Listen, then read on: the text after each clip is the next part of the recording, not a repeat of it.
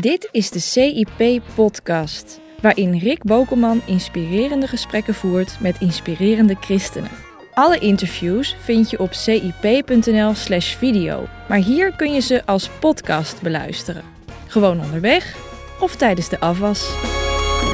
Hoi, ik ben Rick en ik zit hier naast Alinda Bol. Leuk dat je er bent. Voor de mensen die je niet kennen, je hebt een bekende christelijke boekenwinkel in Bunschoten Spakenburg. Klopt, ja. Je spreekt ook regelmatig. Ja, En je bent bekend van onder andere Family 7. En ik dacht, ik nodig je uit, want je bent een leuke zo vrouw. leuk. Ja, die ook ik nog wat te het vertellen echt heel gezellig. Ja. We gaan het in deze video ehm, hebben over mindful leven. Daar schrijf je onder andere in over je boek Vier het Leven. Ja. In bepaalde stukjes. En je nieuwe boek wat uitkomt in mei gaat er ook over. Mindful leven, dat associëren toch veel mensen denk ik met happiness en de seculiere markt. Maar wat heeft het eigenlijk met christendom te maken? Ja, dat klopt. Eh, mindful, ook christenen zijn heel, dat ze denken, een beetje bangig hè, voor mindfulness. Dat komt van Boeddha en dat is een Oosters geloof. Maar eigenlijk is Jezus de grote grondlegger van mindfulness. Wat moet je leefde- uitleggen? Hij leefde met aandacht. Want dat is mindfulness. Leven met aandacht. En, ehm, en, en, en terugkeren in de rust. En dat, dat deed Jezus. Jezus is daar echt het grote voorbeeld van. Als hij eh, een menigte mensen achter zich aan had. en hij kon het eventjes niet aan. dan trok hij zich terug. en ging hij praten met zijn vader. Dus eigenlijk is bidden al mindful Zij, zijn. ja, zij noemen het mediteren. Hè? Ja. het Oosters, ge- de, de Oosterlingen. Maar eh, wij noemen het bidden. In gesprek gaan met, met, met God. En, ehm, en dan niet maar in gesprek blijven en maar praten en maar praten. Maar ook luisteren. Luisteren naar wat God jou te zeggen heeft. En hoe doe je dat dan zelf? Ehm, wat, wat mindful leven betreft, Ja. eh, nou dat is natuurlijk altijd een, eh, een worsteling. Maar het is heel belangrijk om balans te hebben. Balans in je leven, je werk, je privéleven, in alles. Eh, als je nou zo'n dag, een dag rekent, hè? Als je Mhm. nou begint met dankbaar te zijn. Je ligt nog in bed en denk je van, oh, je gedachten gaan al zo van, oh, ik moet nog dit doen, ik moet dat doen. Ik moet naar Harderwijk, ik moet een, eh, een interview doen. Ja, vanmorgen was ik net te laat opgestaan. Oh ja, toch, oh, snel. Haasten, haasten, haasten. We kennen het allemaal. Maar als je dan even blijft liggen om te bedenken, waar ben ik dankbaar voor? En dat is dus leven met aandacht. Doe je dat zelf?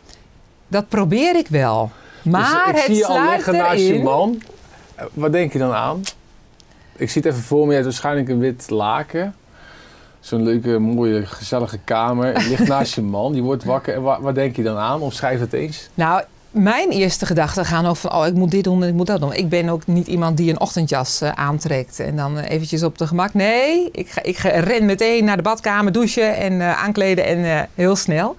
Maar als je dus eventjes blijft liggen om te denken van, ik lig hier, ik lig hier in een huis met een dak. Ik heb te eten en ik ben dankbaar voor mijn man, voor mijn kinderen en voor de dag die eh, God mij eh, gaat geven Wat doet dat dan met je? dan, ehm, dan word je bewust van het leven. En dan kun je de dag aan. Dat betekent dus ook dat als we druk hebben, dat hoor ik hierin al terug, dat we dus vaak dat bewuste, het meemaken, die aandacht, dat we dat niet kunnen hebben. Terwijl we dus wel heel druk zijn met dingen. Maar we worden toch ook steeds drukker.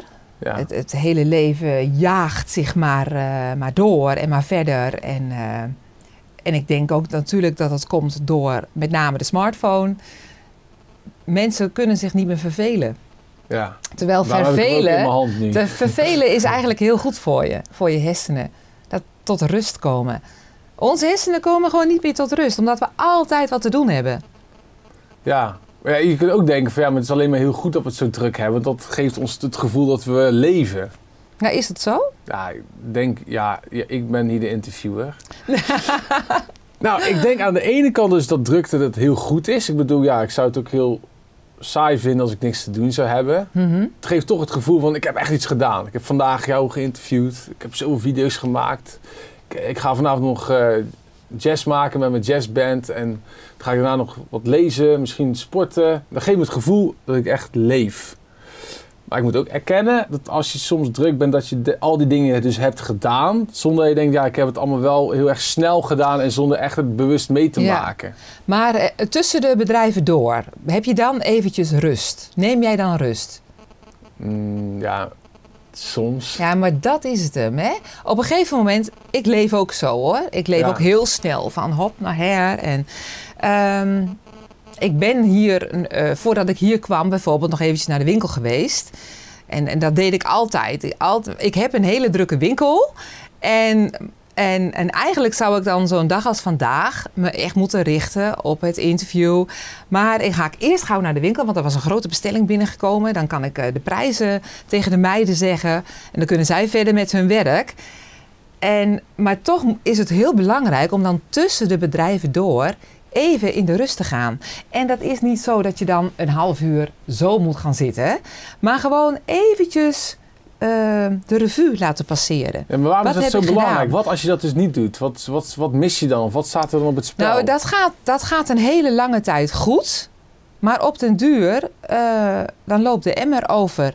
Daarom hebben zoveel mensen, die krijgen dus een burn-out. Ja, Omdat die hersenen constant in paraatheid staan. ja. Dat is het. En dat houden we gewoon niet vol met z'n allen. Maar hoe kun je dan dingen met meer aandacht doen? Dat is dus de vraag. Ja, dus eigenlijk door, eh, door wat je doet op zo'n dag met aandacht te doen. ja. Gewoon je goed realiseren waar, waar je mee bezig bent. En ook, ehm, stel je staat in de file. Je, hebt, je gaat vanavond eh, jazz eh, maken met je vrienden. Maar je staat in de file en je, je redt het niet. Dan kun je dus je heel erg opwinden in die auto. Maar je kunt ook bedenken van, nou, ik zit hier in de auto. Ik kan er niks aan doen. Ik laat het maar over me heen komen. Ja, dus, dat is, dus dan is mindful ook accepteren hoe het leven op dat moment eruit ziet. Ja. Ja. En ook bedenken dat ehm, het misschien wel, het moet misschien wel zo zijn dat jij in de file staat of dat je een andere weg moet nemen. Misschien kom je andere mensen tegen of eh, Ja. Ik heb wel eens een keer wel, dat heb ik wel een keer bedacht. Daarvoor ik het een interessant thema om met jou over te praten. Dat je ook ieder moment niet meer over kunt doen. Dus dit moment dat wij nu hebben, dat krijgen we nooit meer terug. nee, We kunnen nog een keer afspreken en nog een keer de camera's aanzetten en de geluidsband. Maar dit moment krijg je nooit meer terug. Dus daar, daar heb ik me wel een keer bedacht van... het is misschien wel fijn, Rick, om je daar iets meer bewust van te zijn. Dat elke seconde die je hebt... niet alleen een geschenk is, maar ook iets wat je nooit meer kunt overdoen. Ja. Nou, dat klopt helemaal. Dus ja. En dat is eigenlijk mindfulness. Ja. Mindful leven. En hoe landt dit thema in kerken eigenlijk? Nou, eh, eh, het wordt wel eh, steeds meer geaccepteerd hoor. Want dat, dat merk ik wel als ik dus pr- spreek op vrouwendagen of koffieochtenden. Eh, Ik spreek dan wel het meeste bij vrouwen. Dat, eh, dat vrouwen er heel veel behoefte aan hebben.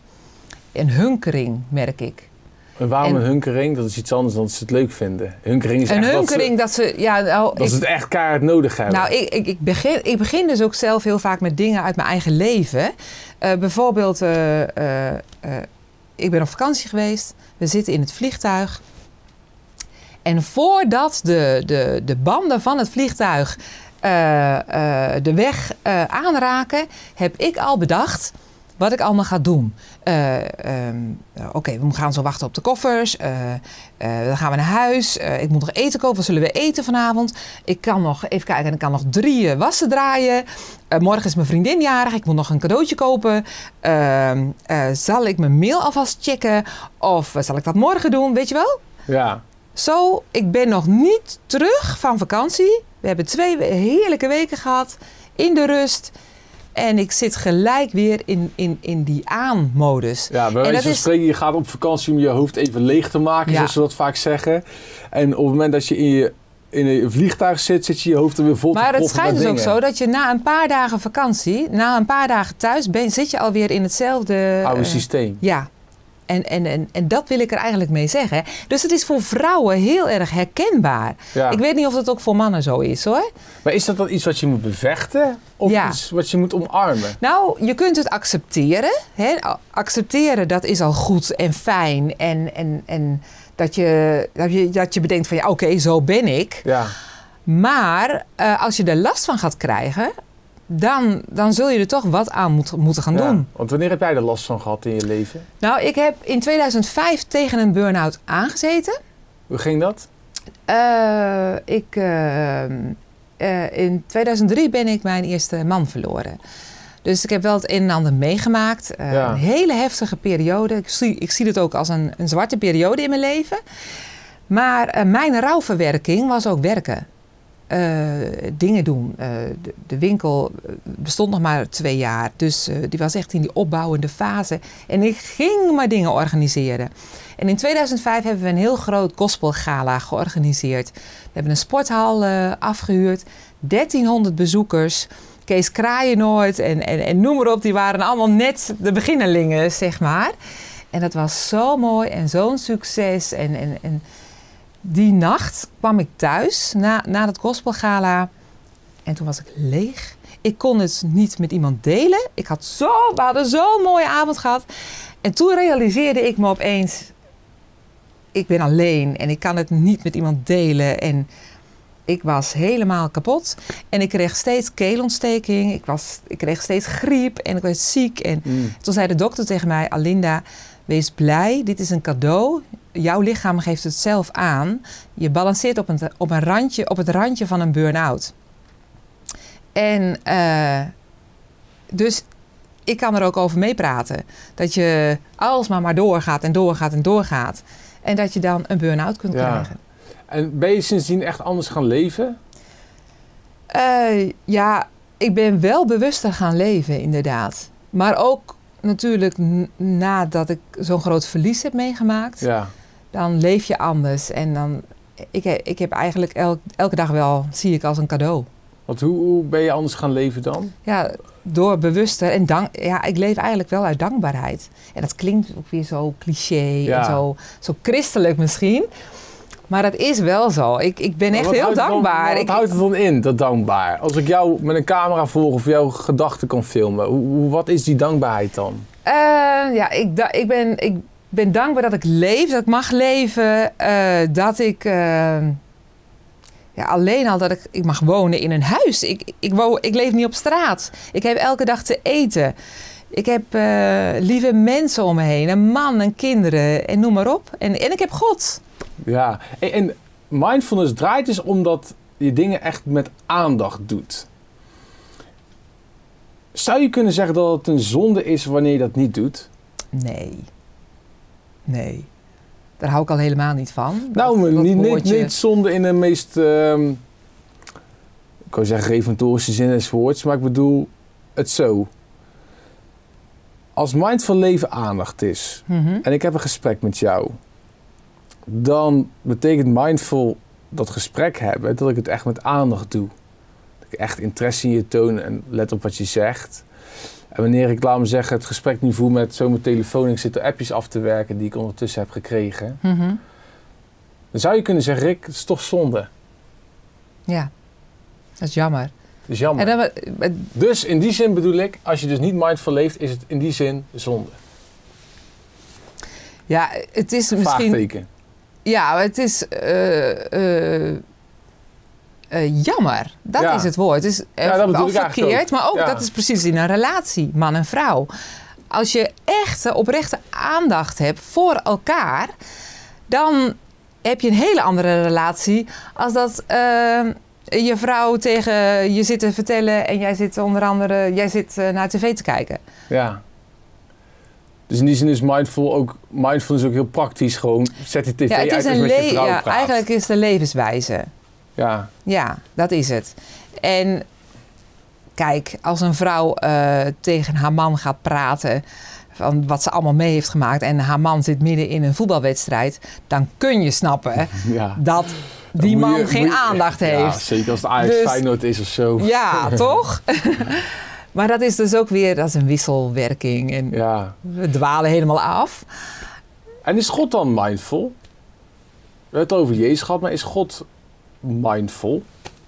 Ik denk het wel. Ik denk dat hij juist die aandacht heeft en geeft. En wil dat wij aandacht hebben voor andere mensen en ook, voor ja, de dingen die wij doen. Ja, oké, maar dan denk ik dat is wel makkelijk praten.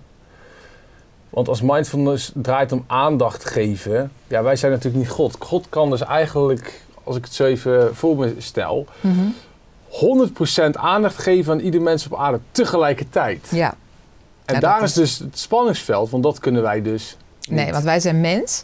En wij denken ook vaak te menselijk over God. Hè? God is God, die Ja. kan dat. Maar hij werkt door mensen heen. Wij, in principe zijn wij goddelijk. Want de Heilige Geest, tenminste als je gelooft in God... en je neemt Ja. hem aan al- als, als je verlosser... dan geeft hij zijn geest aan je. Dus dan leeft de Heilige Geest in je. Dus eh, zit er ook een stukje God in je. Dus mogen wij leven met aandacht. En op een misschien wel een, een bovennatuurlijke manier. Hmm. Want dat van, van mens, eh, als mens zelf is het moeilijk. Ja, en ook als mindfulness draait om aandacht, dan is ook natuurlijk de vraag, ja, maar waar ga ik dan mijn aandacht op richten? Want Ja, er zijn zoveel dingen waar je je aandacht aan kunt geven, die eigenlijk op zich allemaal zo belangrijk zijn. Ja, maar Dus kan- wat is ten diepste belangrijk? Nou, dat, daar draait het volgens mij ook mindfulness om, dat je dat gaat uitvogelen voor jezelf. Want, En nou, dat is het. want ja, mijn vrouw is belangrijk, dus ik zou mindful willen leven naar mijn vrouw toe. Maar ik heb ook mijn kinderen, ik heb ook vrienden en misschien meer vrienden dan ik aan kan. Ik heb een baan met meer interviews dan ik, dan ik aan kan Ja. vaak. Dus ja, Maar als, mindfulness dus betekent om aandachtsvol te leven, moeten we dus ook kennelijk de vraag stellen, maar waar willen we dan aandacht aan geven en waar willen we geen aandacht aan geven of minder? Ja. Dus in mijn volgende boekje, Genietend Leven, daar, dat heb ik ook zo geschreven dat het gebruikt kan worden eh, als workshop. En dan ga ik het ook vragen van, eh, noem eens zeven dingen die heel erg belangrijk voor je zijn. Maar ook dingen die niet belangrijk zijn, die minder belangrijk Ja. voor je zijn. En waarom En stel je wat- die vraag dan? Ja, omdat dat men, alleen al het opschrijven, dat maakt je al bewust van... Ja. Oké, wat is dan wel zo belangrijk? En als ik de vraag stel van... Oké, je hebt nog maar een paar dagen te leven. Het is weer zo'n cliché-vraag, ja, maar maar hij werkt wel. hij werkt wel. Wat, wat ga, wat, als je die vraag, die vraag stelt Ja. aan mensen... dan zeggen ze heel vaak... eh, ja, nee, dan wil ik tijd eh, met mijn dierbaren Ja. meemaken. ja, ik heb het laatst ook gedaan. Heb ik, eh, ik weet nog, zat ik in het vliegtuig naar de Filipijnen. En toen ben ik ook eens gaan opschrijven, wat zijn nou de, ja, in dit geval geloof ik drie dingen voor mijn werk die ik echt het meest belangrijk vind. De drie dingen privé die ik het meest belangrijk vind. En wat ga ik eraan doen dan om wat meer aandacht te geven? Ja. En wat moet ik daar dan voor laten vallen? Zodat ik zeker weet dat de dingen die ik echt belangrijk vind, dat ik daar ook echt tijd en energie voor Hoe, kwam kan je, hoe maken. kwam je daar zo toe om dat je te bedenken? Nou, omdat ik denk dat mensen zoals jij en ik, maar ook iedereen die dit kijkt waarschijnlijk, die is heel enthousiast in het leven. ja. En die vindt alles mooi. In de kerk vinden ze honderd dingen mooi. En in de vriendenclub is alles mooi. En met de kinderen is alles mooi. En voor je het weet zit je agenda helemaal vol met dingen. En dan denk je, ja, ik ben eigenlijk een beetje als een kip zonder kop aan het rennen. Ik ben met voor alles bezig, maar ben ik nou echt bezig met de dingen die ertoe doen? En dat is wat ik me afvroeg. Ben ik bezig met de dingen die er voor mij echt toe doen? Of die waarvan ik denk dat God wil dat ik daar me echt voor inzet? En wat was je conclusie? Mijn conclusie was dat ik op vrijdag en het weekend vooral leuke dingen wil doen en niet zozeer met mijn werk bezig wil zijn. Dat was één conclusie. Dat ik heel veel werk ben gaan uitbesteden. Want ik dacht, ja, dat kan ik niet aan, want dan gaat het kosten van dingen waar ik echt goed in ben.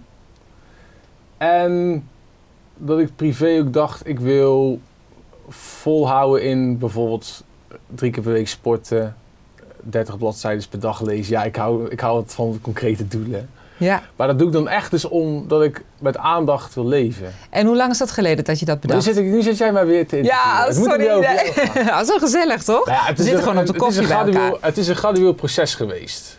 Ja. Dus het is, ik ben altijd, altijd al wel bezig geweest met ja, hoe wil ik leven en waarom. En vooral die waarom-vraag is denk ik heel belangrijk. Want je bent heel vaak dingen, bezig met allerlei dingen. Zonder dat je echt de waarom-vraag stelt. Ik denk dat die waarom-vraag heel belangrijk is. Dat je je afvraagt, oké, ik Alles doe van begint alles. met een waarom. Dus ja, een boek. dus dat je niet Ja. bezig bent met wat je doet, maar dat je vooral bezig bent met waarom. Ja, Dus waarom zit ik hier met jou? En waarom heb ik niet re- andere, andere redacteur dit gesprek laten doen? Of waarom wil ik meer tijd voor mijn vrouw en mijn kinderen? Of waarom wil ik misschien toch iets vaker op vakantie? Die waarom-vraag. ja. ja ik, je slaat de spijker op zijn kop. Dat is het. En ik denk dat heel veel mensen daar, daarnaar op zoek zijn. Ja. Dus dan zou jouw advies dus zijn: schrijf nou eens zeven dingen op die voor jou echt waardevol zijn. En zeven dingen die je misschien zou moeten laten schieten. Ja. En als er dan tot slot nou één Bijbeltekst is die dat mindful leven voor jou illustreert, welke Bijbeltekst is dat dan? Ja, ik heb, eh, ik heb ze even opgeschreven. Want die komen. Ik ben niet nooit zo goed in Bijbel. eh, sommige mensen kunnen Bijbelteksten altijd zo uit hun hoofd. eh, Je mag ze gewoon Doen, opschrijven. dat heb ik niet. hartstikke leuk. Maar in Matthäus eh, 11, vers 28 staat: Kom tot mij, alle die vermoeid zijn en onder lasten gebukt gaan, dan zal ik jullie rust geven. Een hele bekende. En dat is wel zo. En zo is het. In eerste instantie eh, kunnen we wel lijstjes gaan maken van dit wil ik veranderen en, en, en, en, en zo ga ik het anders doen. Maar ga naar de bron. Ga als eerste naar hem toe. Vraag om hulp en hij gaat je helpen. Ja. Geloof het ook echt. Waarom, waarom leg je daar de nadruk op? Op geloof het ook echt? Ja, omdat wij ook weer heel vaak geneigd zijn om, eh, om onze hele rugzak leeg te gooien bij hem. En het, en het daarna weer allemaal terug te stoppen in die zak en weer verder gaan lopen. Dat loslaten, dat is ook zo moeilijk. Ja. Vaak is denk ik loslaten moeilijker dan iets vasthouden. Ja, tuurlijk. Dat is ook zo. En vrouwen zijn ook weer heel anders dan mannen. Mannen zijn toch wat makkelijker, denk ik hoor, in het loslaten. Denk je niet? Ja, dat denk ik wel. Ja. Ja, in wat? Noem een voorbeeld. Ehm, kinderen bijvoorbeeld. Als je, eh, je kind eh, eh, wordt wat ouder en die gaat voor het eerst op de fiets. die moet een, Oh ja, ja, ja. Nee, 10 kilometer dat moederinstinct is denk ik toch wel wat sterker Ja. dan het vaderinstinct. Op heel veel vlakken. ja. Wel Mijn, mijn, doch- je- mijn dochter bijvoorbeeld, van, Ja. bij, ze, ze wordt van de zomer 18, ging afgelopen zaterdag uit eh, in de woonplaats naast onze woonplaats. Dus ze moest terugkomen fietsen, wel met een grote groep. Mhm. Maar dan, eh, en tegenwoordig gaan ze zo super laat gaan ze Ja, stappen. het start pas om eh, half twaalf of Niet zo. normaal. Ik doe echt geen oog dicht. Oh, ik zit, ik- ja echt, ik lig maar te kijken. En, je terwijl mijn man kijken. gewoon heerlijk ligt te slapen. Dat bedoel ik. En terwijl ik ook best wel dingen los kan laten en zo. Maar toch, ja, dat onderbewustzijn, hè. Ja, Dus dat is dan ook wel een goede, ja. Dat, dat voel ik nou, dat, dat is misschien wel voor mij het mooiste wat je tot nu toe gezegd hebt, is dat we heel vaak naar God gaan. En dan dingen los willen laten. En dan gooi het allemaal neer. En dan zeggen we, God, hierbij heeft u mijn leven, mijn problemen of mijn dromen en verlangens. Om dan een minuut later alles weer bij elkaar te rapen en te zeggen tot ziens, tot de volgende keer. En je loopt eigenlijk weer het leven in. ja. Maar weet je wat ook al zo die dingen mooi die je is? net hebt afgelegd. Weet je wat ook zo mooi is? Dat je, eh, eh, dat vind ik zo'n verschil. Dat als je zegt van, eh, je gaat naar God toe en, en alsmaar vragen. Wilt u dit, wilt u dat? Maar, u kunt, maar je kunt het ook omkeren. Je kunt ook zeggen, dank u voor dit en dank u voor dat. En dank u dat u mij zegent. In plaats van, wilt u mij zegenen? Dank u dat u En mij hoe, zegent. hoe gaat je leven dat veranderen dan? Als je in Nou- plaats van wilt u, bid, dank u. Ja, want dan, dan draai je het om en dan ga je eigenlijk leven uit genade.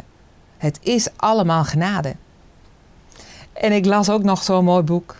Ik, ik, het hele leven zit vol met levenslessen, ook de Bijbel. Hè. Dat vind ik ook zulke mooie gouden levenslessen.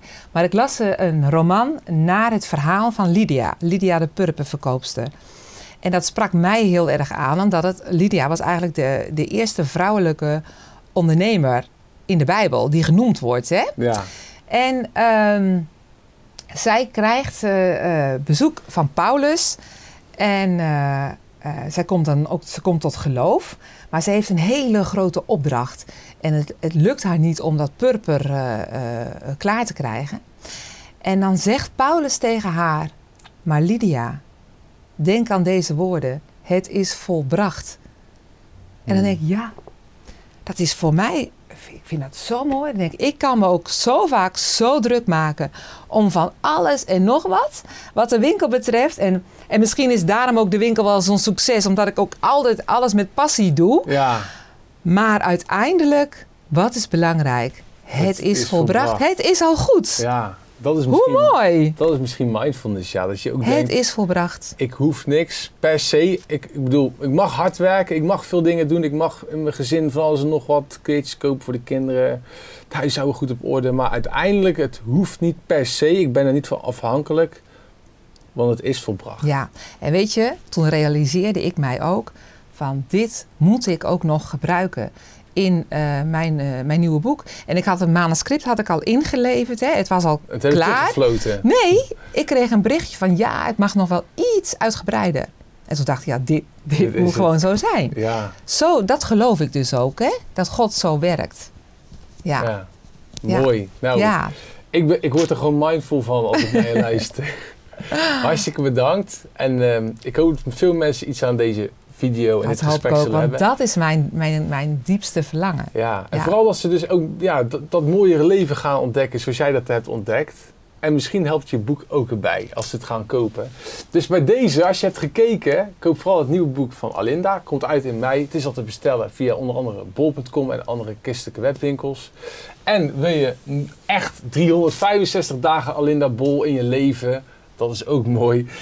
Koop dan Vier het Leven 365 geluksmomentjes voor elke dag. Gelukjes voor elke dag. Doei!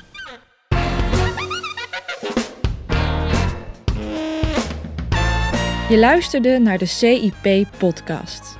Heb je wat gehad aan deze podcast? Laat dan een recensie achter in iTunes. Of steun CIP.nl door CIP Plus lid te worden op onze website.